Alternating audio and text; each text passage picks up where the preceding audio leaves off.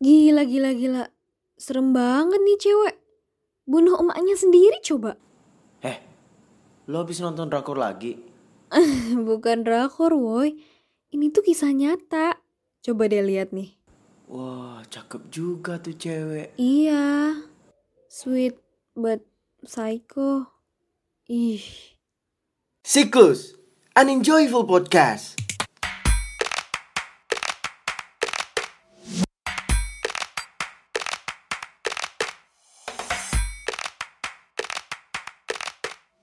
Halo Sobat Siklus di mana pun kalian berada, kembali lagi bersama gua Robert Yusuf AL Yang pastinya podcast ini masih akan tetap membahas mengenai fenomena-fenomena hangat yang terjadi akhir-akhir ini Nah, topik kali ini kita akan membahas mengenai psikopat yang pastinya akan membuat teman-teman tertarik dan penasaran nih mengapa sih psikopat masih sering terjadi di negara kita tercinta ini. Nah, sebelum kita mulai podcast ini, gue akan menceritakan tiga kasus nih mengenai psikopat biar teman-teman nanti bisa juga uh, memberikan suatu pandangan. Oke, kita masuk ke kasus yang pertama yaitu kasus Isabella Guzman. Ya pastinya teman-teman udah nggak asing lagi dong sama Isabella Guzman ini. Di balik wajah polos dan senyum manisnya, siapa sangka sih gadis cantik berusia 18 tahun asal Colorado, Amerika Serikat, tega membunuh ibu kandungnya sendiri 7 tahun yang lalu dengan menikam area wajah dan leher sebanyak ratusan kali. Lalu memukulnya juga dengan tongkat baseball. Kejadian ini disebabkan karena hubungan keluarga yang kurang harmonis, di mana saat ia kecil, kedua orang tuanya bercerai dan Isabella tinggal bersama ibunya yang menikahi pria lain. Sejak saat itulah, Isabel kecil tumbuh menjadi seorang gadis yang pembangkang, terutama kepada ibunya. Namun ia terbebas dari hukuman karena faktanya diketahui bahwa ia mengidap skizofrenia paranoid. Dan akhirnya ia direhabilitasi di Institut Kesehatan Mental Colorado di Pueblo. Oke, kita lanjut ke kasus yang kedua yaitu ada kasus NF yang berasal dari negara kita sendiri, yaitu Indonesia. Selain kasus Isabella, ada psikopat wanita asal Indonesia yang masih sangat muda, Kejadian ini terjadi di awal tahun ini. Seorang remaja berusia 15 tahun asal Sawah Besar Jakarta Pusat membunuh balita berusia 5 tahun dengan menganiayanya di bak mandi hingga tewas, lalu menyimpan mayatnya di dalam lemari.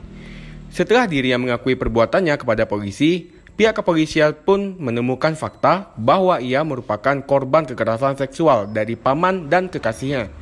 Dan saat itu juga, ia tengah mengandung selama 14 minggu. Pelaku berinisial NF itu direhabilitasi oleh Balai Agna Handayani Jakarta. Nah, baik kita lanjut ke kasus yang ketiga yaitu adanya kasus Catherine Knight. Kembali ke tahun 1998 di New South Wales, Australia, terjadi sebuah kasus mengerikan yang menimpa seorang pria bernama John Price. John Price dibunuh oleh kekasihnya yaitu Catherine Knight. Kasus ini menurut saya adalah salah satu kasus tergila sebab cara yang digunakan pelaku sangatlah keji dan kejam. Catherine dengan tega menusuk tubuh suaminya menggunakan pisau beberapa kali, lalu mengulitinya dan memisahkan daging sang kekasih dari tulang. Tak sampai di situ, ia dengan tega memasak daging tersebut dan menjadikannya sajian makanan di piring. Saat polisi memeriksa TKP, Polisi juga melihat kepala korban berada di dalam panci. Fakta mengejutkan lainnya yaitu, sebelumnya ia sudah berhubungan dengan tiga pria lain. Ketiganya juga mengetahui sifat asli dari Catherine, yang merupakan psycho. Sebab mereka menjadi korban kekerasan Catherine. Latar belakang keluarga Catherine yang penuh kekerasan menjadikannya tumbuh sebagai gadis penyendiri yang temperamental serta wanita yang sadis. Nah, kali ini gue seneng banget nih soalnya Secrets Podcast kedatangan narasumber yang pastinya dapat berbagi pandangan mengenai psikopat ini. Oke, langsung saja kita kenalan. Halo Dafrik. Halo semua, salam kenal. Oke, jadi setelah gue udah kasih tahu nih Frik tiga kasus yang udah lu dengar juga tadi kan. Nah, jadi gue mau tanya nih sama lo, menurut lo gimana sih tentang tiga kasus itu? Menurut lo, apakah pantas disebut psycho? Tentu saja uh, ketiga orang tersebut uh, bisa dikatakan sebagai psikopat ya, karena mereka membunuh atas dasar dendam pada masa lalu. Mereka semua memiliki kesamaan, yaitu mereka sama-sama memiliki masa lalu yang uh, masa lalu yang suram. Yang suram ya. ya. Uh, dari yang gua tahu ya, kebanyakan psikopat itu memang adalah korban dari masa lalu yang suram dan mereka tidak bisa menghapus masa lalu itu dari memori mereka. Hmm, kalau menurut lu kira-kira bisa nggak sih psikopat dia tuh tanpa adanya masa lalu suram dia emang dari lahir gitu jadi psikopat? Lu gimana? Bisa nggak? Ada mungkin nggak hal itu terjadi? Tentu saja ada kemungkinannya, tapi eh, untuk kasus yang tercatat pun itu jarang ya, jarang terjadi. Mungkin ada sih satu, itu salah satu pembunuh yang terkenal. Itu katanya sih eh, masa lalunya itu biasa aja, tapi pas eh, jadi besar nggak tahu kenapa dia tiba-tiba jadi pembunuh gitu. Menurut gitu ya. Ya, tapi emang kasusnya itu emang jarang terjadi sih. Biasanya emang punya masa lalu yang suram gitu. Seorang itu. Mungkin kalau misalnya mulai dari dewasa timbul rasa psikopat itu mungkin ada efek dari perubahan mental mungkin seperti itu. Mungkin juga, mungkin yang paling besar faktor yang paling besar mempengaruhi adalah lingkungan ya.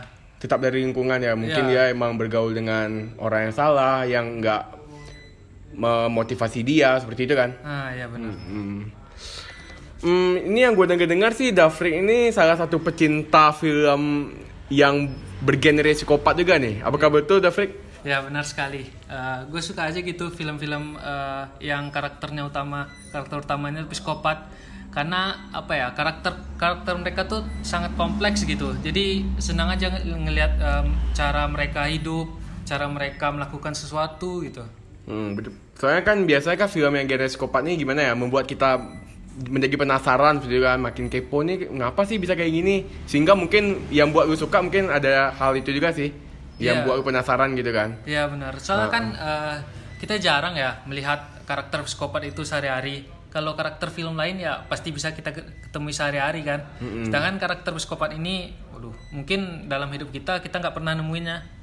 betul sih walaupun emang psikopat film psikopat ini bisa dikatakan fiktif tapi mungkin kita betul-betul kayak merasakan gimana betul-betul psikopat itu ada di tengah-tengah kita gitu kan Iya. Oke. Nah, Frik, gue mau nanya lagi nih terkait yang kasus yang udah gue ceritain tadi mengenai Isabella Guzman. Nah, menurut lo gimana sih Isabella Guzman tuh? Kok bisa sih seorang yang dikatakan cantik bisa melakukan hal yang psikopat? Dan itu pun kayak di luar dugaan kita kan? Kan biasanya kalau kita nonton film atau misalnya psikopat di dunia nyata, pastinya psikopat ini kan yang dari tampang luarnya gitu kan emang gimana ya kayak emang sudah menunjukkan bahwa dia seorang psikopat seperti. Nah, bagaimana sih Isabella Guzman ini bisa menjadi psikopat? Kamu menurut lo gimana? Eh, jangan salah sih, banyak juga psikopat itu yang emang merawat diri mereka. Mungkin eh, selain sifat psikopat mereka, mereka juga mengidap narsistik ya. Jadi mereka emang eh, seperti memuji diri mereka sendiri gitu. Jadi tidak heran eh, jika kalian temukan psikopat itu cantik atau ganteng. Oh, jadi lebih yang seperti katakan Dafrik tadi apa namanya? Eh, narsistik ya. Iya, narsistik. Jadi narsistik itu kayak dia betul-betul mengagumkan dirinya sendiri. Iya, dia merasa dirinya itu lebih baik dari orang lain.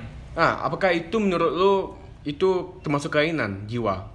Iya, itu termasuk kelainan jiwa. Hmm, berarti dari hal narsistik itu dia dapat menimbulkan yang namanya psikopat. Eh, bukan, jadi kayak psikopat sendiri dan narsistik sendiri punya apa ya? Oh, jadi beda dua, gitu iya, ya. Dua jenis gitu. Dua jenis gitu. Iya. Tapi Nggak semua psikopat juga punya narsistik gitu. Enggak semua narsistik pula itu merupakan orang psikopat. tapi biasanya emang kalau seorang psikopat pasti punya nar- narsistik dong biasa. Iya, biasanya. Kebanyakan kasus Iya, yang karena mereka emang kayak eh, nggak memandang nilai dari orang lain itu, maka mereka bisa sampai membunuh orang lain gitu. Hmm. Nah, seperti yang gua ketahui juga nih, kan di sosial media kan banyak juga nih kayak orang memuji-muji banget sama uh, si Isabella Guzman nih karena parasnya sangat cantik. Nah, menurut itu, itu gimana? Itu wajar nggak sih? Masa seorang netizen atau seorang diri kita memuji-muji seorang psikopat? Wajar nggak sih? Padahal itu kan gimana gitu? Mungkin bukan masalah psikopat atau enggaknya emang emang udah hukum dunia kali. Eh, kalau orang yang punya paras yang bagus bakal lebih dapat treatment yang lebih baik dari orang lain. Misal contoh aja deh kayak ada artis jelek yang terjerat narkoba itu kan pasti isian cacian mulu. Terus ke sedangkan ada artis yang ganteng gitu terjerat kasus narkoba malah malah masih banyak yang nge-support dia bukan itu bukan masalah psikopatnya sih tapi emang udah eh, kebiasaan Kayak orang-orang hukum aja. alam ya, hukum Ya, dunia hukum gitu. Pasti gitu. orang lebih suka sama good looking dong daripada Iya. sama bad looking. Iya. Nah, sebenarnya itu hal itu emang harus diubah nggak sih, Frik? Iya, ya memang pastinya sih, harus, harus diubah diubah. dong gitu. Masa kita sih masa ngefans sama psikopat sih? Hmm. Kan agak gimana juga gitu kan. Nah, Frik, kita lanjut ke kasus yang kedua ya, kasus mengenai NF yang tadi, yang di mana seorang remaja yang berusia 15 tahun sudah melakukan pembunuhan. Nah itu menurut lu gimana? Berarti psikopat ini tidak memandang umur juga dong. Siapa pun bisa menjadi psikopat. Walaupun umur dia masih kecil kayak NF ini, dia bisa juga psikopat. Nah menurut pandangannya gimana? Ya, karena ini kan psikopat sendiri kan emang eh, penyakit jiwa ya, jadi emang nggak mandang usia.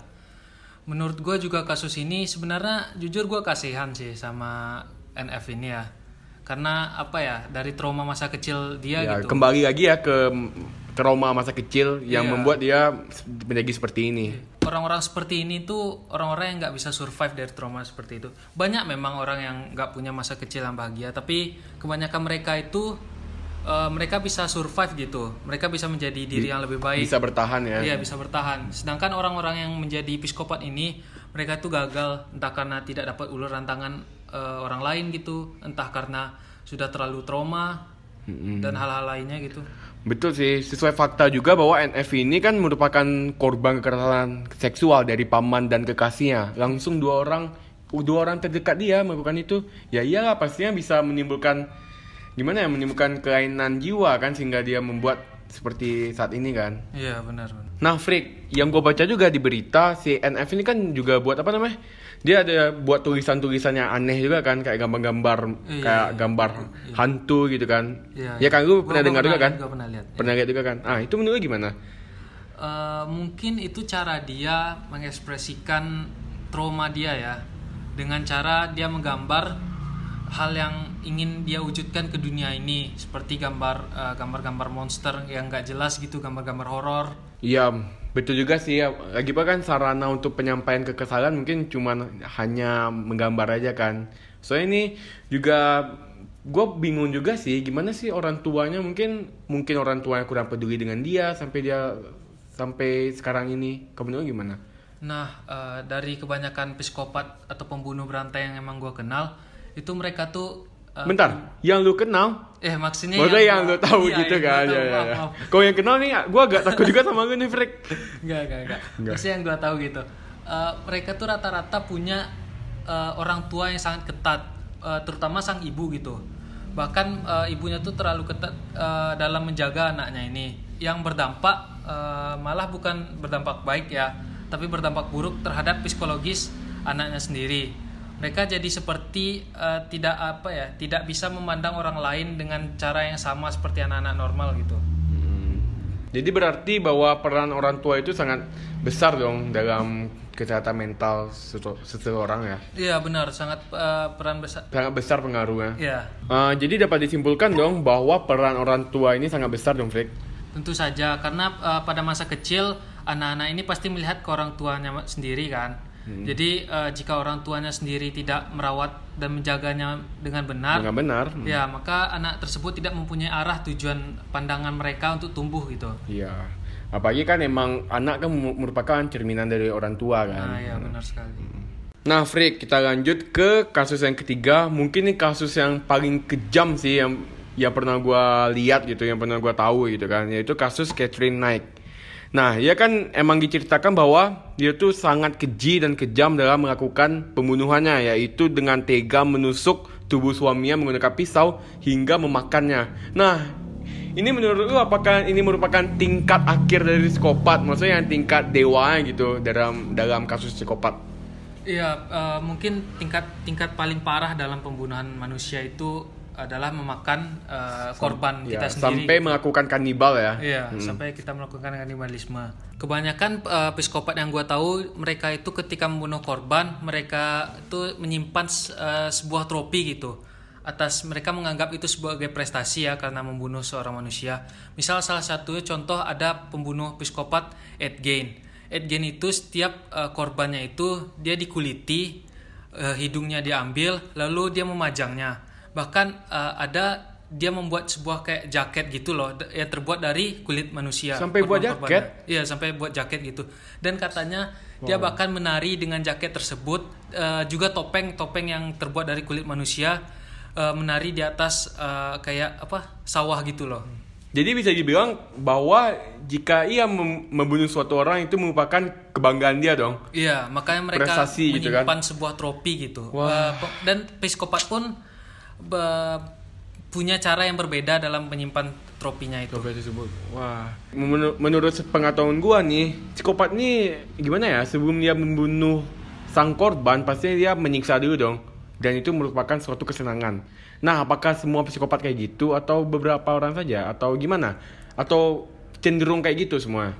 Uh, masing-masing psikopat sendiri punya cara yang berbeda dalam mendekati korban ya. Ada bahkan yang uh, mereka itu dil- dilahirkan dengan wajah yang ganteng sehingga cara mereka untuk mendapatkan uh, korban gitu dengan cara mendekati mereka seperti PDKT gitu loh. Jadi emang berbeda-beda. Nggak selalu menyiksa, ada yang langsung bisa membunuh, uh, ada juga yang lebih senang menyiksa. Tergantung orangnya sih. Cuman kayaknya kebanyakan kalau di film-film sih kayak emang dia siksa dulu gak sih? Iya. Kayak emang betul-betul dia pokoknya sampai korban yang merasakan kesakitan itu makin wah gimana ya makin senang mungkin kan? Karena ketika korban merasakan keputusasaan eh, tersebut ya ketika disiksa pasti korban putus asa, maka pembunuh pasti akan merasakan supe- eh, superiority terhadap korban mereka. Superiority. Ya- yang menunjukkan bahwa mereka itu jauh lebih di atas korban-korban mereka. Makanya mereka lebih senang menyiksa. Iya bener banget. Nah menurut lu Frik kira-kira ada gak sih film yang bisa dikaitin dengan kasus psikopat nih? Mungkin film yang betul-betul kejam gitu. Kan yang gue dengar kan gue emang juga hobi nonton film kan. Nah kira-kira ada nggak? Eh, kalau film sih eh, ini ada judulnya Psycho. Jadi ceritanya ini eh, seorang anak ini kehilangan ibunya. Eh, lalu dia jadi besar jadi penjaga hotel gitu. Hah? Terus eh, datanglah ini eh, ya pengunjung hotel dan dia membunuh membunuh pengunjung hotel itu satu persatu sambil apa ya kayak eh, berkostum sebagai ibunya gitu Jadi- dengan memakai wig. Jadi ya. setiap pokoknya setiap pengunjung hotel tanpa siapa pun itu. Iya tanpa siapa pun itu. Ada nggak eh, apa kriteria gitu mungkin dia suka sama yang cewek atau cowok atau tua gitu atau semua aja diembat gitu. Yang terlihat eh, mengganggu kehidupannya sendiri sih itu dibunuhnya. Oh berarti lebih ke yang gimana ya? Lebih ke pengunjung yang mengesalkan bagi dirinya gitu. Iya, yang membuat eh, harga dirinya tuh terancam gitu. Jadi kalau dia baik pengunjungnya kayak Eh, cuma sebagai pengunjung itu baik. tetap aja sih tetap dibunuhnya gitu. Tapi dibunuh juga. Iya. Wow. Eh, karena dia kayak seperti kalau di film itu diceritakan dia seperti kerasukan arwah ibunya sendiri ya. Eh, karena eh, dia kehilangan ibunya dulu pas eh, pas kecil sehingga dia jadi sendirian, nggak ada teman. Lama-lama dia membayangkan ibunya itu masih hidup. Lalu dia pun berkostum gitu, berkostum jadi Berarti ibunya selayaknya ibunya sendiri Iya, gitu. selayak eh, ibunya sendiri itu masih hidup gitu. I- Itu endingnya gimana tuh? Akhirnya emang set ending, emang semua pengunjung hotel itu meninggal, dia yang menang gitu anggapannya atau dia kembali ke jalanan normal atau dia terbunuh gitu? Akhirnya dia ditangkap sih, tapi eh, untuk scene terakhirnya dilihatkan sendiri. Akhirnya kan awalnya itu dia ada dua kepribadian gitu kan, kepribadian dia sendiri dan kepribadian dia menirukan ibunya. Heeh. Akhirnya itu eh, kepribadian ibunya itu yang menang dan mengambil alih tubuhnya sendiri. Itu sih endingnya. Eh, kebanyakan eh, pembunuh emang seperti itu ya. Mereka itu mempunyai kayak kepribadian lain gitu loh. Bukan kepribadian eh, dirinya sendiri. Itu bisa aja tercipta karena rasa trauma tadi yang udah kita bahas ya. Juga bisa eh, dari pengaruh lingkungan juga bisa. Sehingga terciptanya kepribadian lain yang seolah-olah itu menunjukkan eh, kekuatan yang lebih kuat dari kepribadian aslinya. Hmm. Eh, kok nggak salah kepribadian apa yang lain itu bisa disebut dengan bipolar ya? Eh, Sama dengan bipolar atau beda gitu? Setahu setahu gue bipolar itu beda bipolar itu lebih ke emosi sedangkan untuk kepribadian ganda kepribadian ganda ini memang ada penyakitnya lagi gitu Oh, memang beda lagi dari Iya, bipolar. memang beda, gitu. memang beda. Setahu gue ya. Nah, Frik, sebelum kita ke pertanyaan yang terakhir nih, kan banyak tuh kayak apa teman-teman kita biasanya kan kayak suka nonton film yang psikopat, terus dia senang, bahagia, atau enggak dia suka kalau misalnya ada orang yang kecelakaan dia suka gitu, dan kadang-kadang dia suka bilang self diagnose gitu kan, dia bilang, weh gue psikopat nih, gue psikopat nih. Nah itu menurut pandangan gimana? Apakah itu cuman menarik perhatian orang aja, atau emang betul-betul dia psikopat? Kalau orang seperti itu 100% ya itu emang orang cari perhatian doang. Ya kali ada lu lu mengidap penyakit mental terus lu bangga gitu kan kan, Kan aneh. diceritakan kan iya, gitu. aneh aneh Oh, banget gitu loh. aneh kan. Itu itu tetap aja menjadi psikopat itu menjadi penyakit. Eh, sempat lu emang didiagnosis punya penyakit itu lu harus bergantung terhadap obat gitu, Obat sampai seumur hidup lu. Seumur hidup. Karena penyakit mental ini hampir semuanya tuh nggak bisa disembuhin. nggak bisa sembuhin ya Iya. emang tetap ada sampai seumur hidup Iya. tapi emang bisa diantisipasi supaya nggak parah gitu dengan Iya. minum obat kan Iya, benar-benar. Jadi dapat disimpulkan dong bahwa teman-teman kita yang sering kayak gitu bahwa dia cuman self diagnose saja suka mencari perhatian ya. Iya, eh, saran gue sih udah berhenti aja kayak gitu. Iya. Eh, itu itu nggak akan buat lu keren gitu loh. Iya, bingung juga sih lagi pula kan nggak ada psikopat yang mengakui dirinya psikopat ya. Iya, Maksudnya benar kan. Setiap psikopat yang emang kayak ketangkep gitu mereka nggak nggak ngakui ya. gitu, nggak makanya agak bingung juga gue sih sama teman-teman yang kayak gitu. Iya, iya benar. Kalau lu sendiri gimana? Pernah nggak sih kayak gitu lah pokoknya?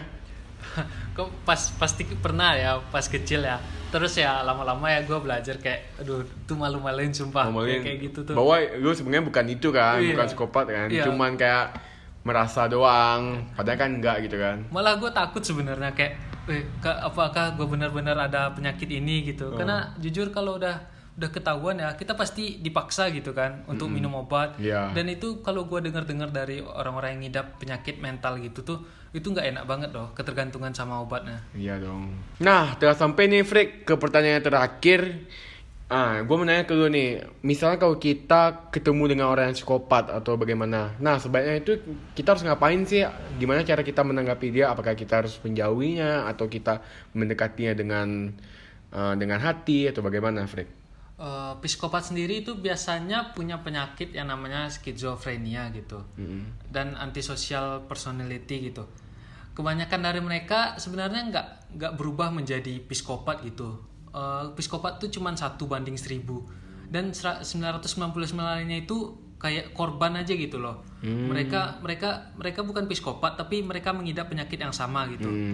Jika memang kita menjumpai orang yang eh, orang yang memiliki penyakit tersebut, janganlah kita asumsikan wah dia psikopat, jangan jangan.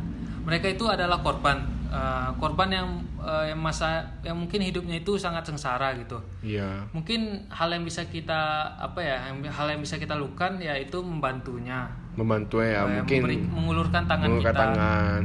Kita harus mendekat mendekatinya itu dengan perasaan Iya. dan nggak boleh kayak kita selalu berasumsi secara negatif terhadap psikopat ini kan. Iya benar, karena eh, jika kita memperlakukannya seperti psikopat padahal bukan, malah hal itu yang mungkin membuat mereka membuat menjadi menjadi psikopat asli. gitu. menjadi makin parah ya, Iya. menjadi betulan psikopat seperti itu kan. bisa membuat mereka jadi betulan psikopat itu. Heeh. Oke, terima kasih banyak nih buat Dafrik yang mau diundang jadi narasumber di Secret Podcast mengenai psikopat kali ini. Makasih ya, Frik. Eh, ya, sama-sama. Terima kasih juga buat eh, Siklus Podcast sudah ngundang gue ya. Semoga eh, podcast kalian eh, semakin sukses ke depannya. Amin, amin, amin. Nah, oke, buat teman-teman semua jangan lupa untuk share, like, dan dikasih kritik dan sarannya untuk siklus podcast ini agar ke depannya menjadi lebih baik. Nah, gua Robert Rafael pamit undur diri. Sampai jumpa di episode selanjutnya. Bye.